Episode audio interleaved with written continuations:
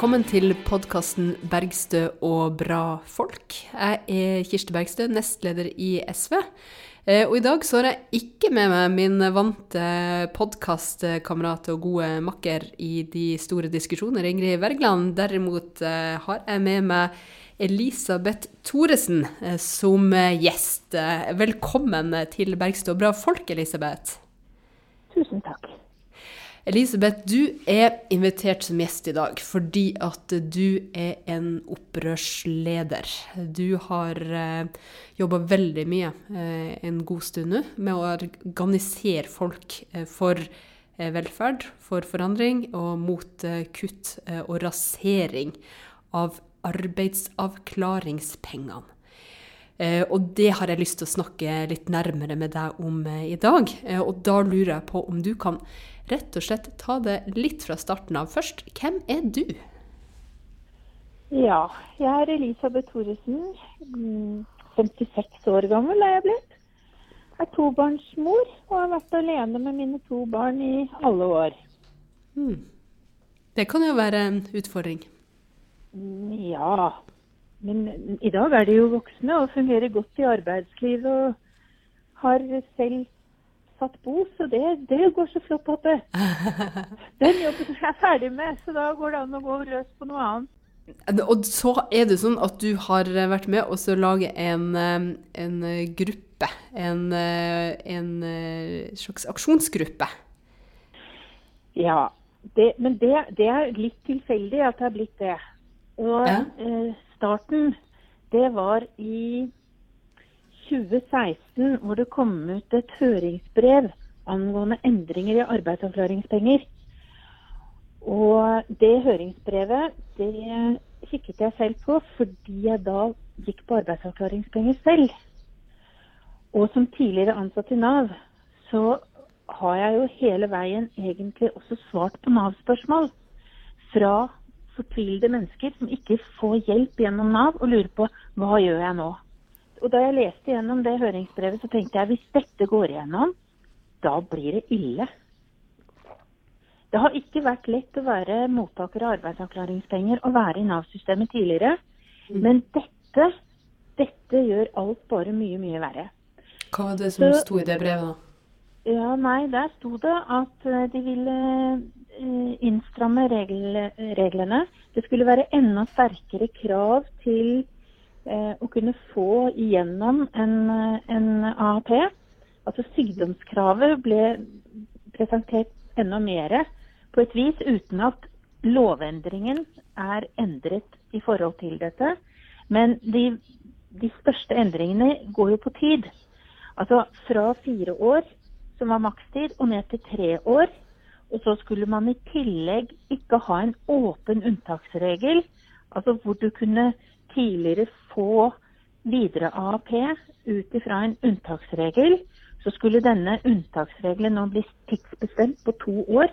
Og det skulle strammes inn i forhold til hvem som skulle få fortsette på en unntaksregel. Mm. Og ved siden av det så, også, så var det også en lovendring som dreier seg om en karenstid. Og da skal man altså bli tatt ut av hele AAP-ordningen, og så skal man stoppes i å få noe mer ytelser fra trygdeloven som du som syk skal gå under. Og så skal du kastes ut i et intet uten noe form for en inntektssikring. Og, dette, og jeg skjønte at dette her, dette kommer til å bli ille. Og jeg skjønte at uh, her vil økonomisk sosialhjelp, budsjettene i kommunene bli sprengt. Og jeg mm. tenkte at her, her må jeg reagere. Så jeg svarte som, som privatperson på dette høringsbrevet. Og det ble altfor langt svar, men det er jo en helt annen sak. Hvor langt ble det? Ja, det ble 13 sider, fordi at jeg klarer ikke Altså, det som har skjedd med meg, er at jeg klarer på en måte ikke å huske hva det er jeg har lest. Så derfor så måtte jeg ta um, avsnitt for avsnitt og putte inn i høringsbrevet, og så måtte jeg svare på det. Ja. Av det som var viktig for meg. Sånn at det ble veldig mye sånne gjentagelser av det som sto i høringsbrevet, som jeg da gikk inn i. For det var den måten jeg kunne klare å svare på det øh, høringsbrevet på, på den tiden. Og det hadde jo noe med min egen sykdom og min egen skade, som jeg, jeg har nok fått en skade i hjernen som, ja, som, som, påvirker meg i forhold til det som går på det kognitive, da, blant annet. Ja, ja. Så, men jeg svarte, og det, det ble sendt inn. Og så Jeg hadde også da litt kommunikasjon med ME-foreningen, som også sendte inn sitt svar. Og så tok det Ja, det gikk en god stund. Og så ved påsketider i 2017 må vi ha kommet til da. Så kom det en flott blomsterbukett på døren min med 'Tusen hjertelig takk for et fantastisk uh, høringssvar du har gitt'. Hilsen um, Uføres Landsforbund, Ulf Norge. Hva sier du det? Så hyggelig. Ja. Og så ble jeg kontaktet og spurt om jeg ville representere uh, dem under åpen høring på Stortinget. Ja. Og da tenkte jeg ja, det gjør jeg jo. For da kommer jeg jo på høringen òg. Så uh, da ble jeg påmeldt, og så var jeg på åpen høring og svarte da Fikk lagt fram saken slik jeg mente dette ville påvirke, og hvilke konsekvenser det ville få. Mm. Men vi vet jo at lovendringen kom, og lovendringen trådte i kraft i, i første ja, 1.1.2018. Mm. Og, og, da satt jeg med en liten Facebook-gruppe på ca. 900 medlemmer, og den het på den tiden Aksjon mot AAP-forslag. Mm. Og Lise Christoffersen hun har vært medlem av den eh, Facebook-gruppen fra dag én omtrent. Ja, Lise Christoffersen, stortingsrepresentant fra Arbeiderpartiet. Mm. Ja. Og, eh, og hun, eh, hun, har jo fulgt opp med masse spørsmål til Anniken Hauglie fra mm. gruppa vår. Og det har også gjeldt vært i forhold til rundskrivsendringen som kom i 2016, som jeg ikke skjønner at heller har vært helt lovlig, og hvor du statistisk sett kan se at her har det skjedd en endring på bakgrunn av tall, og hvor mange som egentlig har fått innvilget arbeidsavklaringspenger etter unntaksregelen etter eh, rundskrivsendringen. Altså, her, her, ligger det tall, ikke sant? og du, du, ser at her har det skjedd noe. Mm. Men eh, i hvert fall så satt jeg da med en Facebook-gruppe på ca. 900 medlemmer og tenkte ja, ja, dette var det. Nå er vi ferdig. Og så kom vi uti februar-mars, og så mm. kom, begynte meldingene å komme. Pengene mine er stoppet. Jeg vet ikke hvorfor pengene mine er stoppet, men de kom ikke på konto. Ja, For da sendte folk melding til deg eller eh, på den Facebook-gruppa om det? Da kom det meldinger på Facebook-gruppa med at pengene mine er stoppet, jeg har ikke fått noe AP, jeg vet ikke hva jeg skal gjøre, og jeg skjønner ikke hva som skjer. Mm.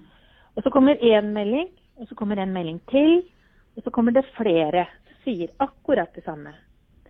Og eh, jeg tar kontakt med advokat og spør er det lov for Nav å bare stoppe penger uten varsel og uten vedtak.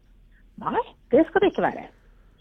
Så da gikk min første bekymringsmelding ut fra den Facebook-gruppa egentlig, som da, men gjennom meg, til eh, både Arbeid- og sosialdepartementet, Arbeid- og velferdsdirektoratet og Sivilombudsmannen med varsel om, no om hva som skjedde. Og så begynte ballen å rulle, og jeg fikk inn enda flere, ikke sant. Og, men det var jo ingen som tok tak. Jo, jo, de har jo egentlig ikke tatt tak i det der før nå, med å bevilge 15 millioner kroner ekstra til saksbehandling i, i Nav. Men det kommer jo ikke alle de som har mistet pengene sine til gode. Nei, og det er jo noe som kom nå i forbindelse med at revidert budsjett ble lagt frem. Eh, så det går vel kanskje først og fremst på å kunne håndtere køen av klager eh, på lokalkontorene, fremfor å faktisk eh, gå til dem som har mista pengene. Mm. Ingenting av dette går til de som har mistet pengene. Dette går bare for å styrke saksbehandlingen i Nav, mm. og for å få ut vedtak før eksisterende vedtak går ut på dato. Ja. Dette her er rett og slett penger som skal gå til at forvaltningsloven skal bli fulgt. Det er jo ikke for noe annet. Så det er for at man ikke skal bryte loven i når man skal sende ut, eh, ut brevene om, om, vedtaket og kontakt med folk. Mm. Men ja, så det, det, var liksom starten. Og jeg fikk jo inn masse vedtak som viste ikke sant, at pengene var stoppet i mars. Men vedtaksbrevet kom ikke før i mai. Og så sparte jeg opp en del sånne vedtaksbrev som jeg da fikk anonymisert. Og jeg fikk en, nok dokumentasjon til at jeg hadde en sak. Og så var det å prøve å finne en journalist som ønsket å fremme saken. Ja. Og det tok lang tid. Men til slutt dukket da Jens Marius Sæther fra Dagsavisen opp og tok mm. kontakt med meg. Og han er jo den som har fått fremmet hele saken i mediene og har eh, fulgt opp siden. Og det har jo vært helt fantastisk, den innsatsen han har gjort. Det må jeg bare si. Så litt gravende journalistikk eh, og journalister som våger å ta i det her kompliserte regelverket, det mener du har vært med på å løfte saker i, i offentligheten? Ja, absolutt. Og han mm. skjønte hva dette dreide seg om. For det, altså alt som har med folketrygden vår å gjøre, og særlig også da kapittel 11 som dreier seg om arbeidsavklaringspenger, dette her er tungt stoff, altså. Og du har på en måte altså Én ting er, er, er, lover og regler, eller rundskriv, da. Mm. Men en annen ting er jo også Nav som system.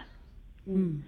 Og det å forholde seg til Nav som et system og skjønne deres arbeidsrutiner ved siden av lovverket og hvilke rettigheter og plikter du som mottaker av en ytelse har, det er jo nesten helt umulig å vite. Mm. Og, og, og, jeg skjønner jo at for de menneskene som selv aldri har vært borti Nav, og som har vært så heldige og heller aldri eh, har trengt å søke eller gå på arbeidsavklaringspenger, så blir jo dette her som sånn derre eh, et fremmed språk. Og folk tenker, altså Jeg tror at de fleste tenker dette gjelder ikke meg, så dette trenger jeg ikke å sette meg inn i. Og det er mm. veldig forståelig, det. Men det som er skummelt, er det at du vet aldri om sykdom eller skade plutselig rammer, og du selv en dag må, må gå inn i dette. Og hvis du da ikke har noe kunnskap, så vil du få et sjokk. Mm. For dette er tungt stoff, altså. Og jeg er jo også ganske skremt ikke sant, over um, våre stortingspolitikere som tar og gjør en lovendring uten at jeg kan si at de skjønner verken Nav som system eller lovendringene de er med på å bestemme gjennom, eller få igjennom. da, Fordi at uh, kapittel 11, som dreier seg om om arbeidsavklaringspenger, det har jo også en forbindelse med kapittel 12, som dreier seg om uføretrygd. Mm. Men mener du i fullt alvor at ikke de som sitter og vet, vedtar um, endringene i lovene, vet hva de behandler? Min opplevelse er det, ja. ja. ja for, og det går rett og slett på, det går på uh, språket de bruker. Når, når, lovendringsforslaget til SV og Arbeiderpartiet var oppe i stortingssalen, så, så, opplevde jeg en arbeidsminister som står og bruker ord og uttrykk som blir helt feil i forhold til hvordan Nav jobber og har som arbeidsrutiner. Hun snakker om at folk søker en forlengelse etter unntaksregelen. Men mm. det, er ingen som søker en forlengelse det er noe man blir vurdert for av Nav. Mm. Det er Nav som skal vurdere deg. Og da er det lokalt Nav-kontor som skal vurdere deg. Og så det, går en innstilling over til arbeid, Nav arbeid og ytelse, altså de som ligger bakenfor Nav-kontoret, lokalt Nav-kontor, de skal saksbehandle den saken. Men det er jo ikke noe søknad. Og jeg Altså, for en da som kjenner arbeidsrutinene til Nav, så blir hele, hele saken så um, feil fremstilt. Mm. Og jeg opplever vel også det at det, sånn som uh, Arbeid- og velferdsdirektoratet selv, de som sitter der, skjønner jo heller ikke hvordan, hvordan Nav lokalt jobber. Altså, dette høres veldig rart ut, men det er mine opplevelser når jeg ser på um, hva som blir svart fra Arbeid- og velferdsdirektoratet også. Mm. Og jeg, men, men så kan du si ja, men spiller det så stor rolle? Hva er forskjellen på en søknad, og hva er forskjellen på å bli vurdert og alt dette her? Men det er faktisk en veldig stor fors forskjell. Fordi at hvis du, hvis du søker noe, så skal du jo få et vedtak da på, på hva det er du søker. Mm. Og når du blir vurdert for noe, så skal du også Altså Du skal jo få et vedtak på opphør av din, dine arbeidsavklaringspenger. Men jeg, jeg, jeg vet liksom ikke helt hvordan jeg skal forklare det der. Mm. Men jeg tror kanskje vi må gå litt i dybde på hva arbeidsavklaringspenger er, eh, og hvem eh, det er ment for. Eh, fordi arbeidsavklaringspenger er jo i utgangspunktet tre ulike ytelser, som det så fint heter, som ble slått sammen til én i, i, sin tid. Og det betyr jo at det er egentlig en ganske sånn brei ordning, for det var jo både eh, tidsbegrensa uføretrygd, det var eh, yr yrkesretta attføringer.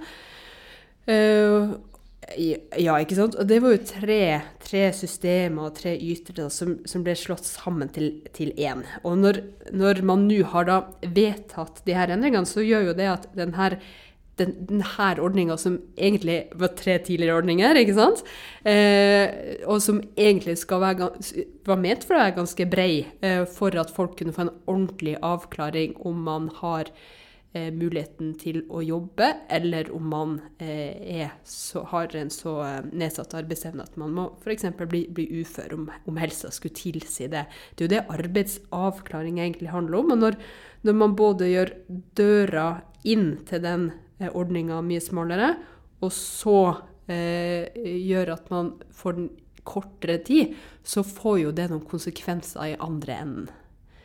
Eh, fordi det ene, det ene, er jo liksom alle de her som nå opplever at plutselig så mister man pengene, og hvordan har nå egentlig saksbehandlinga vært?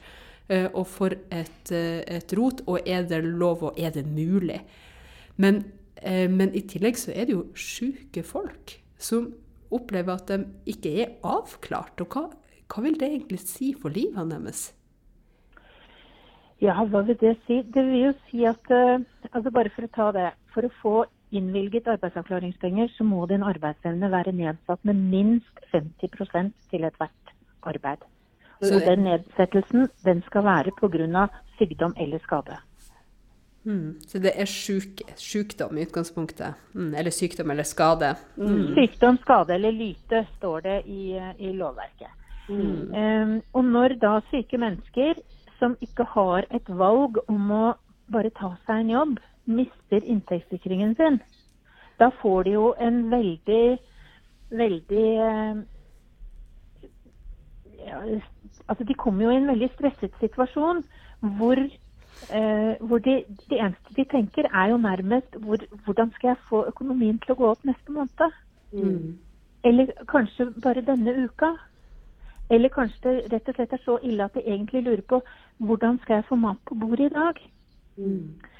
Og, og, aksjonsgruppen har jo hatt sin egen undersøkelse. Og der har jo vi avdekket at nærmere 50% er jo eh, barnefamilier. Og det vil si familier med barn under 18 år. Og når du sier undersøkelse, Elisabeth, så mener du undersøkelse av hvordan det her har virka inn på de som mottar arbeidsavklaringspenger, sant? Ja. Mm. Og, og, og, prøvde å få avdekke hvem er, hvem er AAP-mottaker, og hvordan påvirker denne lovendringen de som mottar arbeidsavklaringspenger eller har mistet arbeidsavklaringspengene. Ja. Og hva fant dere ut der? Ja, Der finner vi jo ut altså Det som også er viktig å få med her, da, det er jo at målet med lovendringen var å få flere i jobb og fortere avklart. Mm. Ikke sant? Det var målet med lovendringen som regjeringen vedtok 1.1.2018. Det, eh, det, vi ser, det er jo det at eh, folk som mister pengene sine og sin inntektssikring, de blir sykere.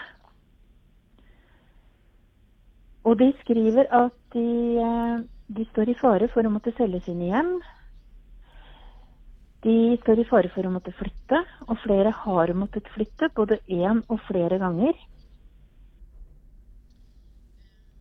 Fordi man ikke har råd til å beholde boligen sin? Man har ikke Ja, eller det Ja, beholde den boligen de eier, eller få lov til å bli boende i den leiligheten de leier.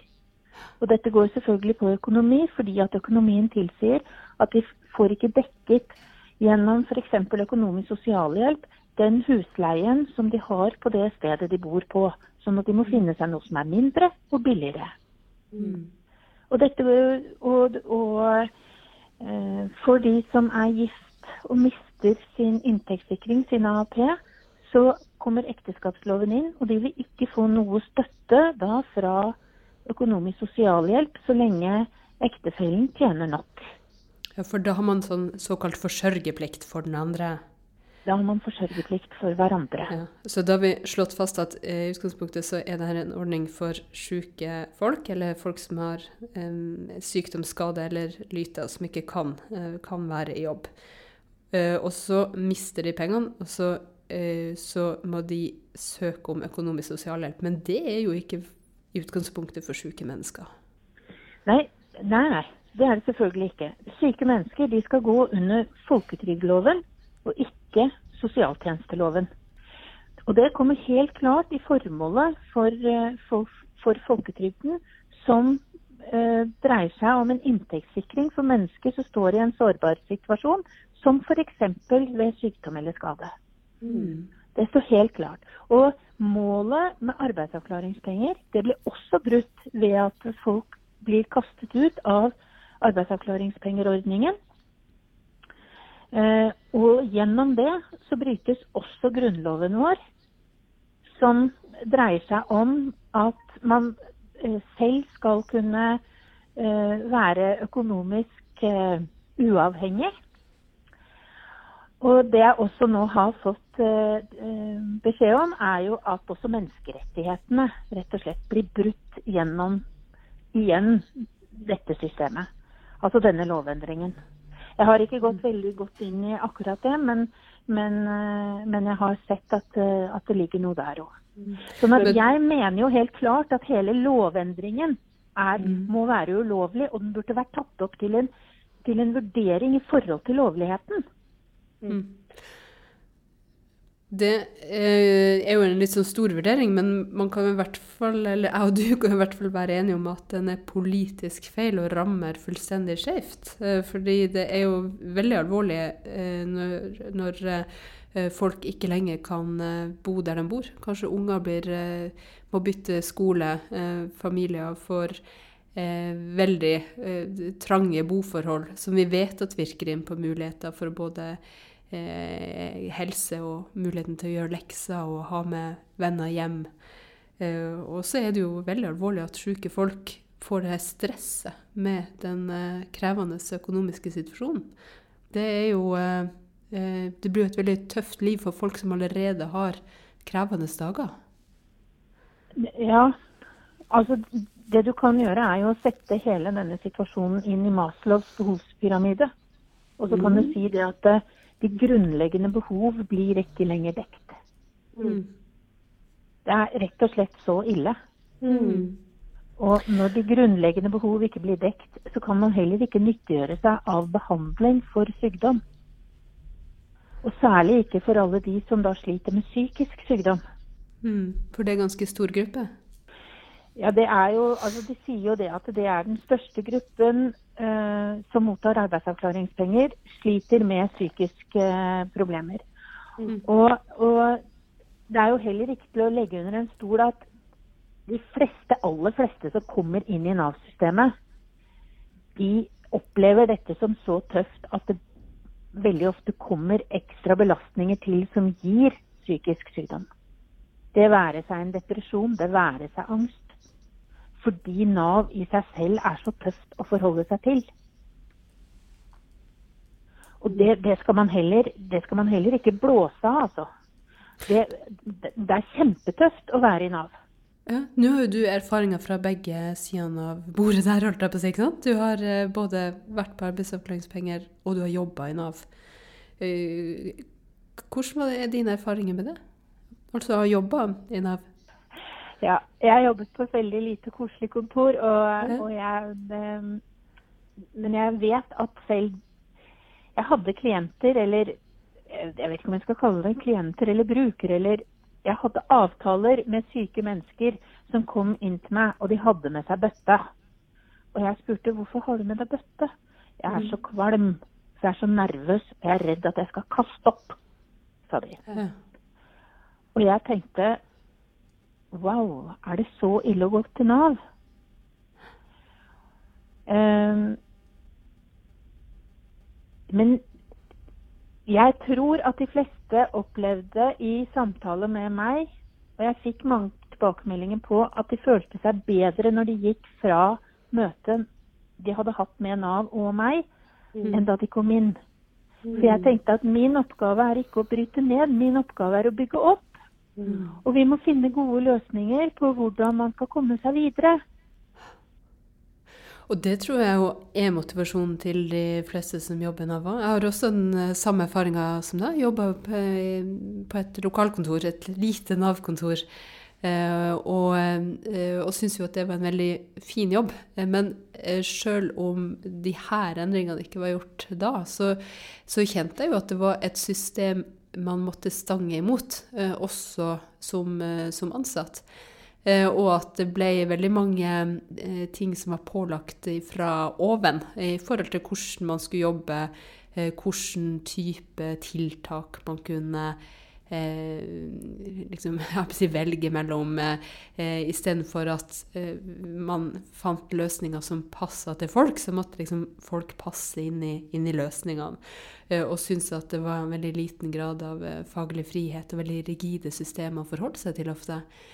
Eh, og det jeg merker når jeg har vært i, i diskusjon rundt Nav, og også særlig liksom arbeidsavklaringspengene eh, og, og eh, de store og alvorlige innstrammingene som har vært der, så får jeg jo liksom tre typer henvendelser etter de debattene. Og det ene er jo fra folk som har veldig krevende runder med Nav, som føler seg mistenkeliggjort, som føler at de må leve opp til vilkår som gjør dem dårligere, som er et evig stress, og som eh, de syns er vanskelig å, eh, å, forstå ut fra sin helse- og livssituasjon at skal føre til noe bra. Og det andre er jo de som, eh, som rett og slett har havna i skikkelig alvorlige fattigdomsfeller fordi de har mista arbeidsavklaringspenger, må søke om sosialhjelp og alle de følgene eh, som er med det. Og den tredje kategorien er jo de som jobber på Nav, eh, og som forteller at de har altfor mange folk de skal følge opp til at de kan gjøre det på en god måte, eh, og at de syns det er veldig krevende å, å måtte ja, rett og slett forholde seg til et system der det har blitt vanskeligere å jobbe godt med, med folk og gjøre, gjøre jobben på en god måte. Og jeg syns jo alle de, de, tre forskjellige typene varsler er alvorlige. Det er jo en alvorlig varsko for velferdssystemet vårt. Det er veldig alvorlig.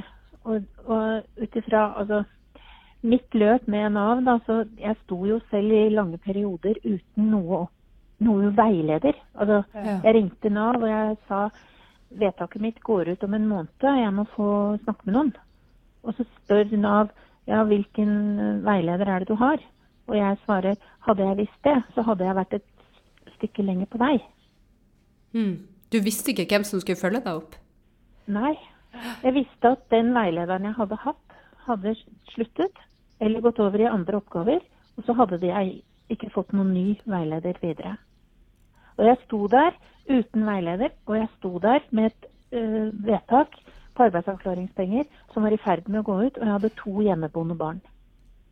Mm. Det er ingen god situasjon å stå i, fordi at øh, jeg hadde ikke noen andre som kunne eh, dekket opp mine utgifter, og jeg ville heller aldri fått økonomisk sosialhjelp. Fordi det, det ville jeg ikke um, um, Altså, da måtte jeg nok løst ut oppsparte pensjonssparinger f.eks. isteden. Ja, for det er jo sånne krav man får mot seg. At, uh, og, og, noen må jo oppleve også at barna ikke kan ha At det blir krav om barns sparekonto, f.eks. Hvis man er så heldig å ha unger som har spart opp noe. Mm. Men, men, men det, det, har faktisk ikke lov Det har faktisk ikke Nav lov til å kreve at barns penger skal brukes. Det, der står det faktisk ganske klart. Her går, kommer barneloven inn.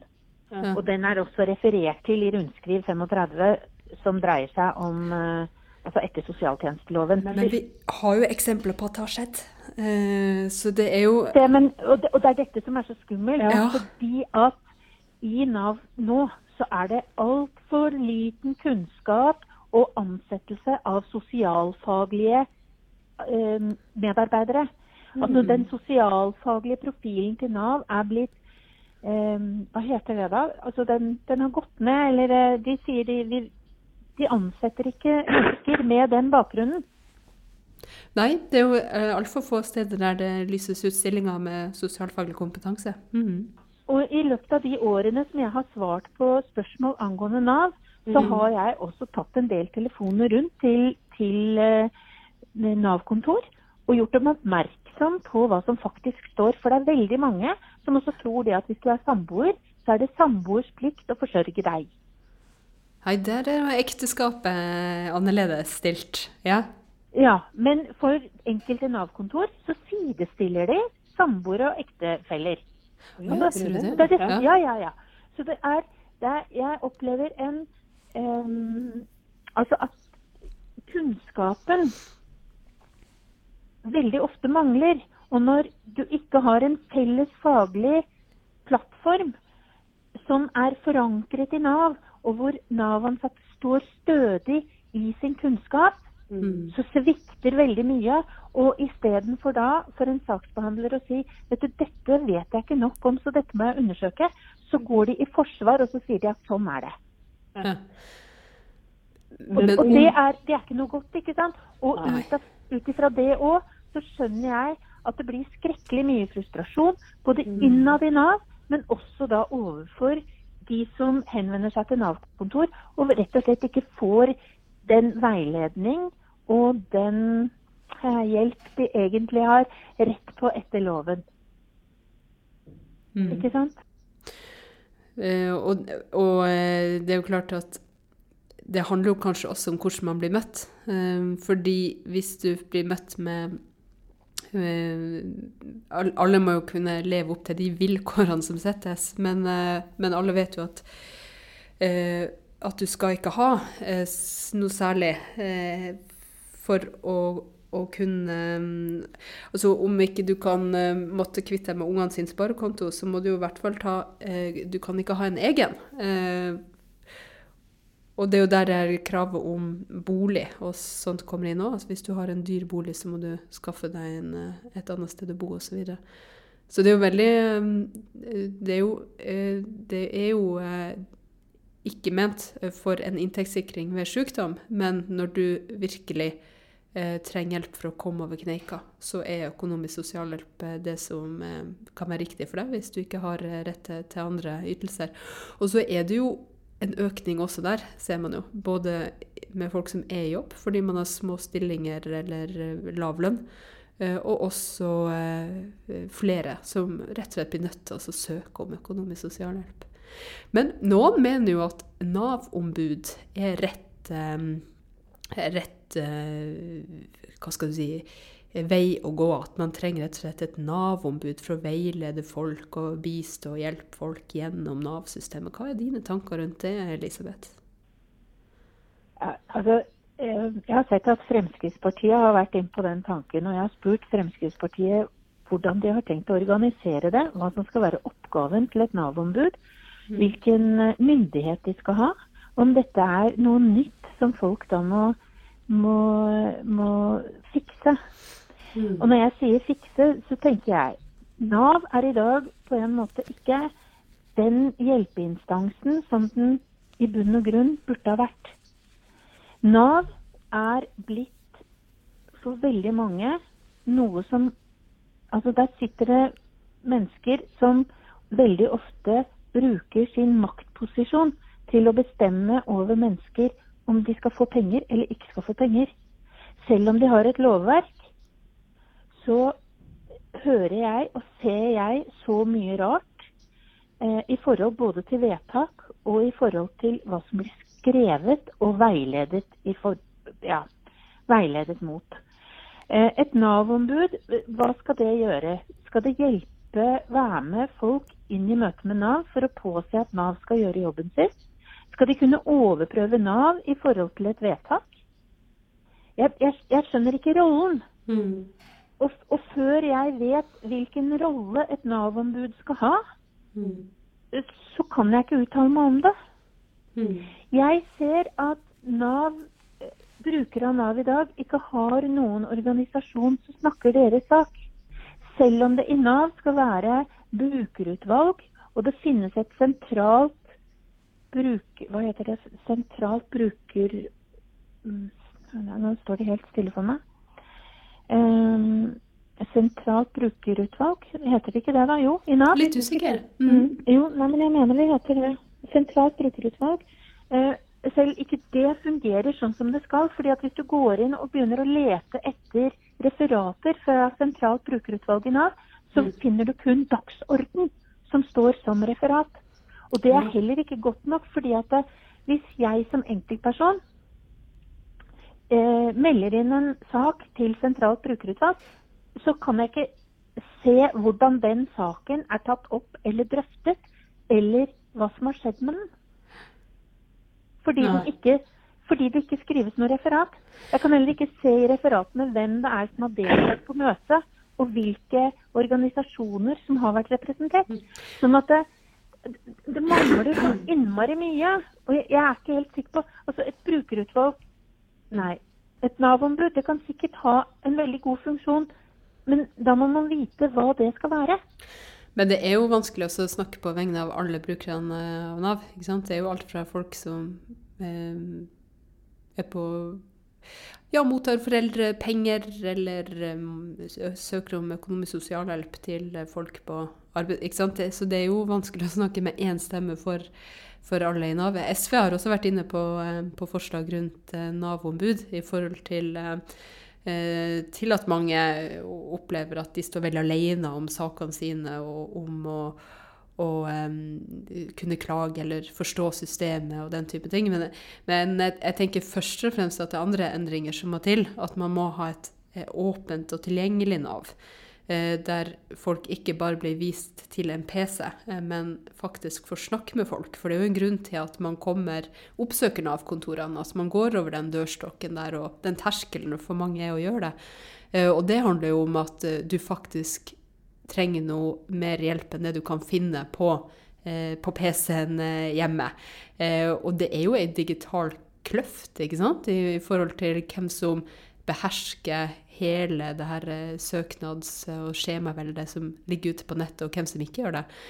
Uh, og man kan jo ikke ha det sånn at man må liksom ha kjentmannsprøven i byråkrati og skjemavelde for å kunne nyttiggjøre seg av Eh, noe av det fineste vi har i samfunnet, nemlig velferdstjenestene, fellesskapsløsningene våre. Så Derfor så tenker jeg at det å ha Nav i lokalsamfunnene der det jobber folk, og man kan få snakke med, med, med, folk, er noe av det mest grunnleggende man kan gjøre. Og at det er eh, kompetanse og faglig, eh, rom for faglig skjønn og frihet på Nav-kontorene. Ja, og, og altså, De fleste Nav-kontor i dag de har jo egentlig stengt. De har jo egentlig ikke noe mottak. Mm. De har jo ingen du kan gå inn og spørre lenger. Og jeg lurer på hvor er nøkkelordene til Nav blitt av? Nøkkelordene som går på løsningsorientert, til stede og tydelig. De er jo blitt helt borte. Fordi at Nav er jo ikke til stede. Nav er ikke tydelige. Og de er heller ikke løsningsorienterte lenger, slik jeg opplever det.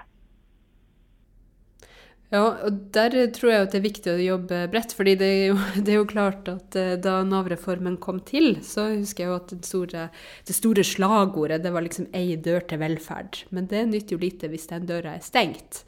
Eh, at man skulle ikke inn på sosialkontoret og arbeids eh, gamle A-etat eller trygdekontorene, men man skulle liksom ha ei dør til velferden.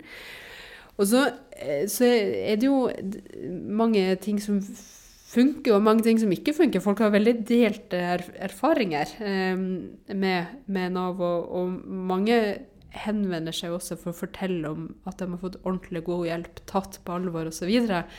Men jeg tror at for å kunne uh, gjøre Nav enda mer tilgjengelig for folk, så er det veldig viktig at dem som bruker Nav, og dem som jobber i Nav, uh, står i lag og, uh, og fører de, de felles kampene og, diskusjonene innom felles rom. Og jeg så jo at på denne store markeringa for eller mot endringene i arbeidsavklaringspenger som du leder, Elisabeth, så så jeg jo at flere av fagforeningene til dem som jobber i Nav, også var med. Eh, Bl.a.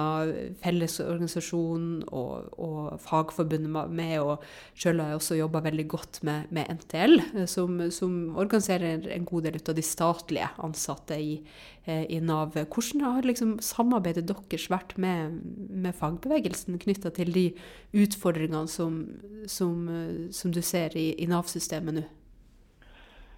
Det har ikke vært veldig tett samarbeid, men, eh, men jeg har eh, sendt ut e-poster også til alle fagorganisasjoner som er tilknyttet LO. Og, eh, og også disse andre store organisasjonene. Er, jeg har fått veldig lite tilbakemeldinger, og det er noen jeg aldri har hørt noe fra. Um, men jeg vet jo at sånn som FO med Mimmi Kvisvik, hun eh, kjenner jeg jo fra før av. Forbundslederen. Mm. Og hun øh, øh, Hun er vel også kanskje en som har stått litt på sidelinjen og heia litt på meg i forhold til å, å ta tak, da. Um, og, og, og, kontakte fagorganisasjoner. Men uh, har, det er ikke sånn at vi har hatt veldig mye, mye kommunikasjon. Det har vi mm. ikke.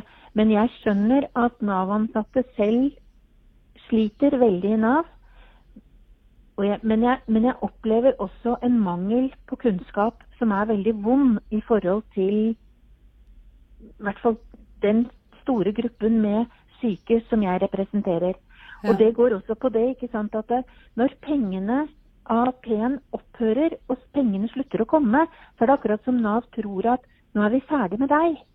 Nå har ikke vi noe mer å tilby deg, og du har jo ikke noe ytelse her. Da har du ikke noe rettighet. Og Det er også en veldig feil tanke fra Nav sin side, eller fra Nav-ansatte sin side. Fordi at det er jo ikke en ytelse som avgjør hvilket behov for oppfølging du har. Det er det jo Nav-lovens 14 A-vedtak som gjør, som er et behovsvedtak. Og der, Hvis du er vanlig arbeidssøker, så får du gjerne det som heter ordinært bistandsbehov. Med andre ord, du skal kunne klare deg selv. Hvis du har noe mer utfordringer, det være seg f.eks. språklige utfordringer, eller du sliter noe med helsa di, eller har andre utfordringer av en eller annen karakter, men du har ikke nedsatt arbeidsevne med 50 mm. så kommer du på det som heter eh, eh, situasjonsbestemt bistandsbehov. Da skal du ha noe mer oppfølging. Og de som har nedsatt arbeidsevne med minst 50% og er mottakere av en AAP, de har spesielt tilpasset behov. Og det er jo den gruppen som jeg mener at burde fått veldig mye oppfølging fra Nav. Og dette er også noe som går igjen hos eh, politikerne, som sier at vi skal frigjøre eh, midler for at den gruppen som trenger mest oppfølging, skal få det. Jeg har spurt gjentatte ganger våre stortingspolitikere med Anniken Hauglie hvem er den gruppen du snakker om som skal ha, ha behov for mest oppfølging. Hvis ikke det er de på spesielt tilpasset behov som har nedsatt arbeidsevne, hvem er det da? Hva får du til svar da? Ingenting. Får ikke svar. Jeg får ikke svar. Og så har du det siste bistandsbehovet, som heter varig nedsatt arbeidsevne eller varig nedsatt behov. Og det er det behovet du får før du søker en uføretrygd. Og det er det behovet som åpner opp for at du kan søke en uføretrygd. Og det er jo ikke legen din eller helsevesenet som sier at eh, du er ufør og kan søke en uføretrygd. Mm. Det er det også Nav som sier. Og Derfor så blir det så feil når vår arbeidsminister står på talerstolen og gjentar seg selv i intervjuer, i avisartikler, at kronisk syke med nedsatt arbeidsevne, de skal ha en uføretrygd. Men de kan ikke søke en uføretrygd før Nav har klargjort dem. Mm. Og i forhold til da å kunne få lov til å søke en uføretrygd, så må alt av nødvendig og hensiktsmessig utredning og behandling være prøvd først. Og du må også ha fått prøvd ut arbeidsevnen din, altså din restarbeidsevne. Og først da er det en mulighet for at du fyller vilkårene for en uføretrygd som dreier seg om kapittel 12 i folketrygden. Sånn det, det, er derfor jeg sier det at det, arbeidsavklaringspenger, som er kapittel 11 i folketrygdloven, og kapittel 12 i folketrygdloven, som dreier seg om uføretrygd, disse må man se på samlet.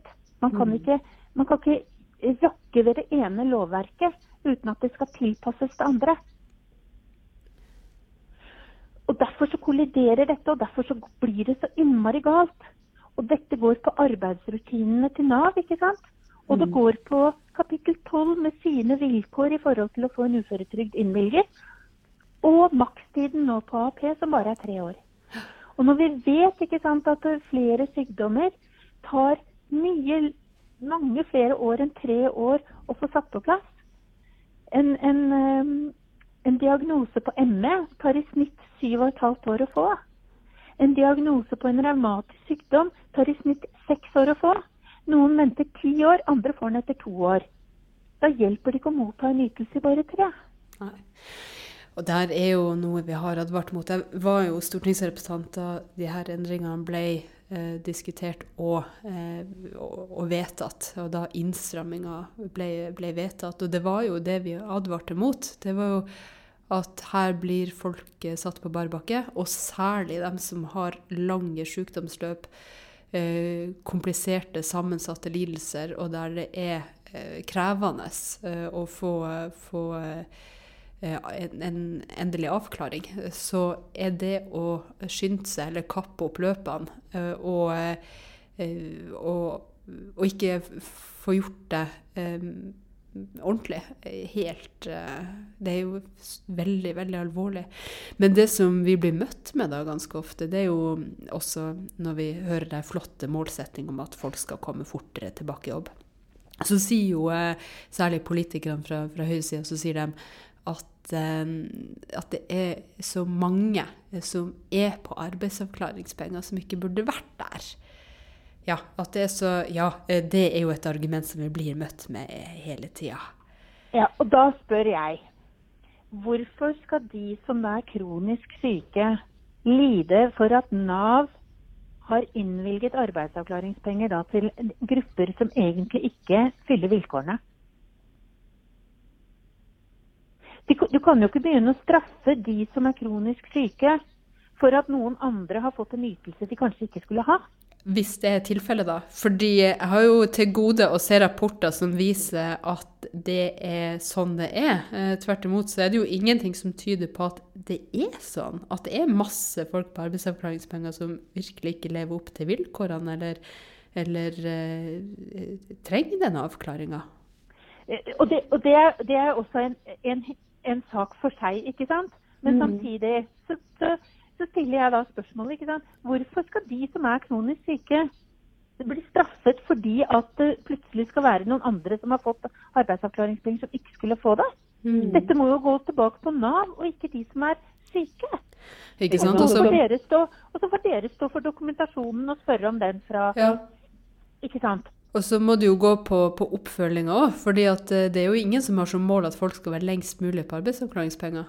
Det er jo ikke det, men hvis du er år etter år uten å få oppfølging, sånn som du som ikke engang visste hvem saksbehandleren din var, så er det klart at årene går uten at man eh, blir avklart nødvendigvis, hvis ikke det løpet er lagt opp på en god måte. Ja, og så har du helsevesenet ved siden av. Ikke mm. Jeg har vært borti legen som har sagt, når jeg sier ja, hva gjør vi nå, da? Uh, Ut ifra min situasjon, ikke sant. Hva blir neste steg nå? Og så blir jeg møtt med vi får vente og se. Og når jeg endelig da blir henvist f.eks. til Rikshospitalet, som jeg ble for en sånn second opinion, så gikk månedene, og så til slutt så ringer jeg da, og så sier jeg Hei, hvordan går det med um, henvisningen min? Uh, hvor lang tid tar det før jeg kommer inn til dere? Og så får jeg til svar Å ja, du ligger i bunken uten dato. Det vil altså si at jeg bare er lagt til side uten å ha fått noe tidsfrist på når jeg kan kunne komme inn. Ja. Og det gjør noe med Det gjorde noe med meg som person, for da tenkte jeg er jeg så lite verdt at, jeg ikke er, at det ikke er noe vits i å ta meg inn? Eller trenger jeg ikke å komme med? Eller Så- hva er dette? Så du kjente at den gikk ordentlig inn på deg? Den, den kjente jeg veldig godt Ja. langt inn i maven. Så jeg tenkte liksom jøss, er det sånn man skal bli behandlet i offentlig helsevesen? Ved siden av det så gikk jeg og ventet i Det var vel egentlig ti måneders eh, em, ventetid på å komme til eh, søvnutredning. Og når jeg omsider kom dit, jeg ringte inn og sa det at hvis dere får en avbestilling, så kan jeg komme på dagen. Det skal gå fint. Um, og det, det gjorde jo sitt til at jeg slapp å vente i alle de ti månedene. Jeg kom vel inn da etter seks, tenker jeg. Men så var det nye fire måneder før behandling kunne starte opp. Og jeg tenker litt sånn Altså, dette er virkeligheten i Norge. Dette er tiden. Og da, da, går, da går årene fort. De gjør det. Og, og for, altså, for min del så kunne et AAP-løp bare vært på to år, det. Hvis ting hadde funket. Og det ble ferdig avklart. Fordi at tid Altså, øh, det, det er ingen som ønsker å bli gående i dette Nav-systemet. Det er så nedbrytende. Du er så lite fri. Og når det gjelder arbeidsavklaringspenger, du kan ikke reise på ferie uten å søke Nav om å få lov. Drar du på ferie, så kan du bli fratatt din- dine arbeidsavklaringspenger. Altså utenlands, da. At hvis du reiser ut av landet. Ja, nei, men det kan like godt være i, innad i Norge òg. Du, du kan ikke bare dra. Fordi at du da risikerer å ikke kunne møte opp til timer du blir innkalt til. Ja. Mm. Alt du gjør, må du på en måte informere Nav om. Du, du, har, ikke noe, du har ikke noe pause fra Nav. Og jeg hører jo om flere ikke sant, som, som får avslag på å få lov til å reise til utlandet fordi at Nav plutselig midt i sommerferien finner ut at da er det, da er det plass på tiltak. Og der har vedkommende kanskje gått da i ti måneder og ventet på den tiltaksplassen. Og når endelig barna har sommerferie, og alt er stengt, så må de møte på tiltak. Altså det, det finnes så mange sånne eksempler da, som ikke er noe gode. Mm.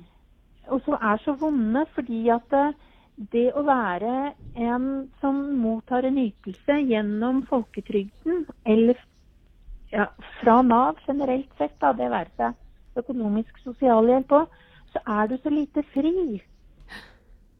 Men det er jo ingen som vil være lengst mulig på arbeidsavklaringspenger, men det er jo heller ingen som vil være syk og ha den eh, nedsatt arbeidsevne eller eh, helseutfordringer som man må slite med.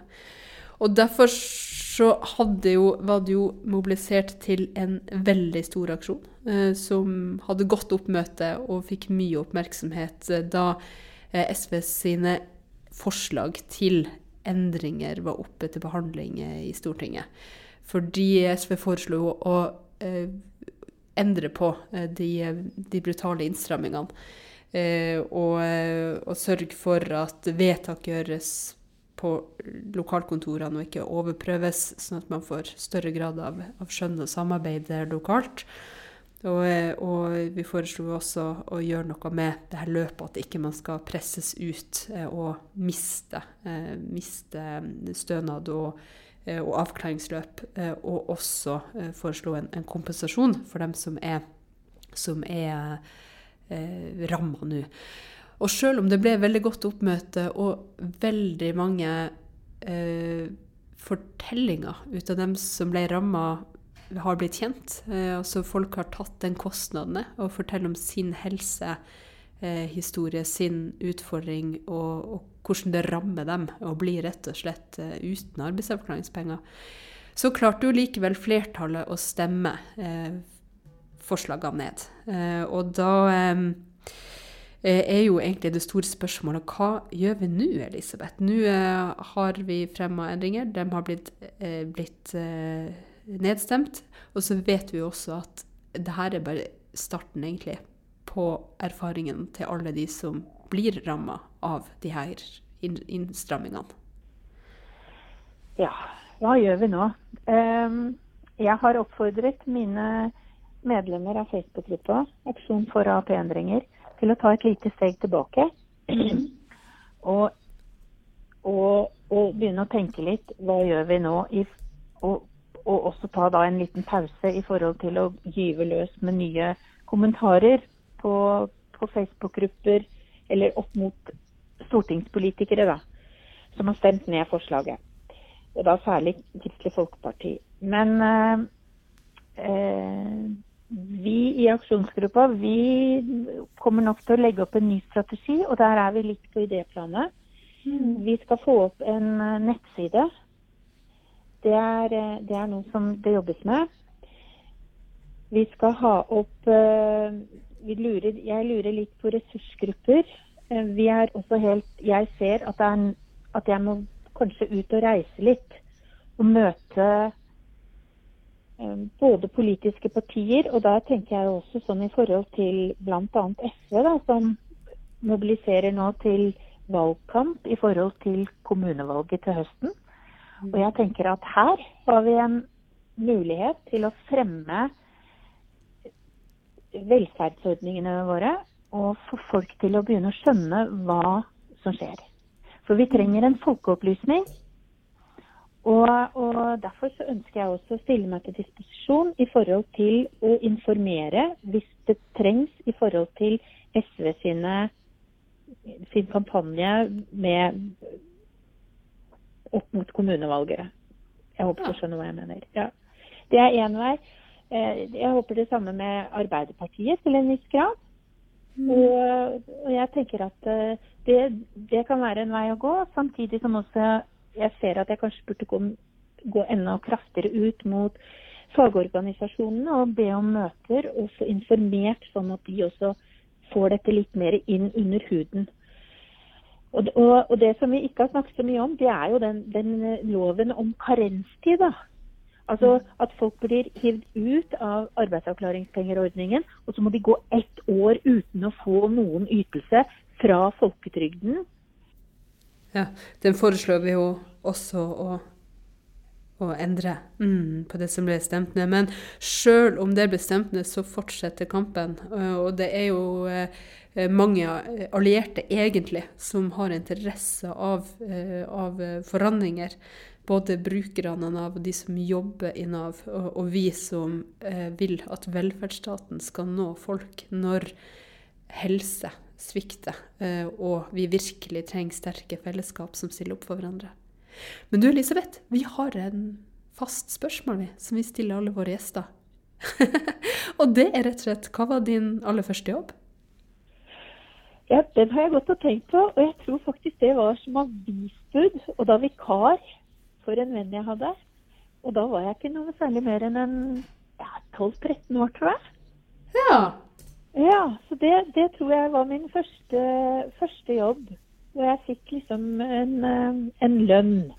Og ellers så begynte jeg å jobbe på gartnerier i Lier og pakke agurker. Agurker? Ja, jeg sto og pakket agurker noen somre. Men du Elisabeth, det er jo kjempemorsomt. Fordi når du pakker agurker og så går med aviser, det det, det, gir jo eh, en viss assosiasjon til det man ofte kaller nyheter om sommeren. Agurknytt. Ja. ja. Morsomt. Agurknytt. Ja, helt, helt toppers.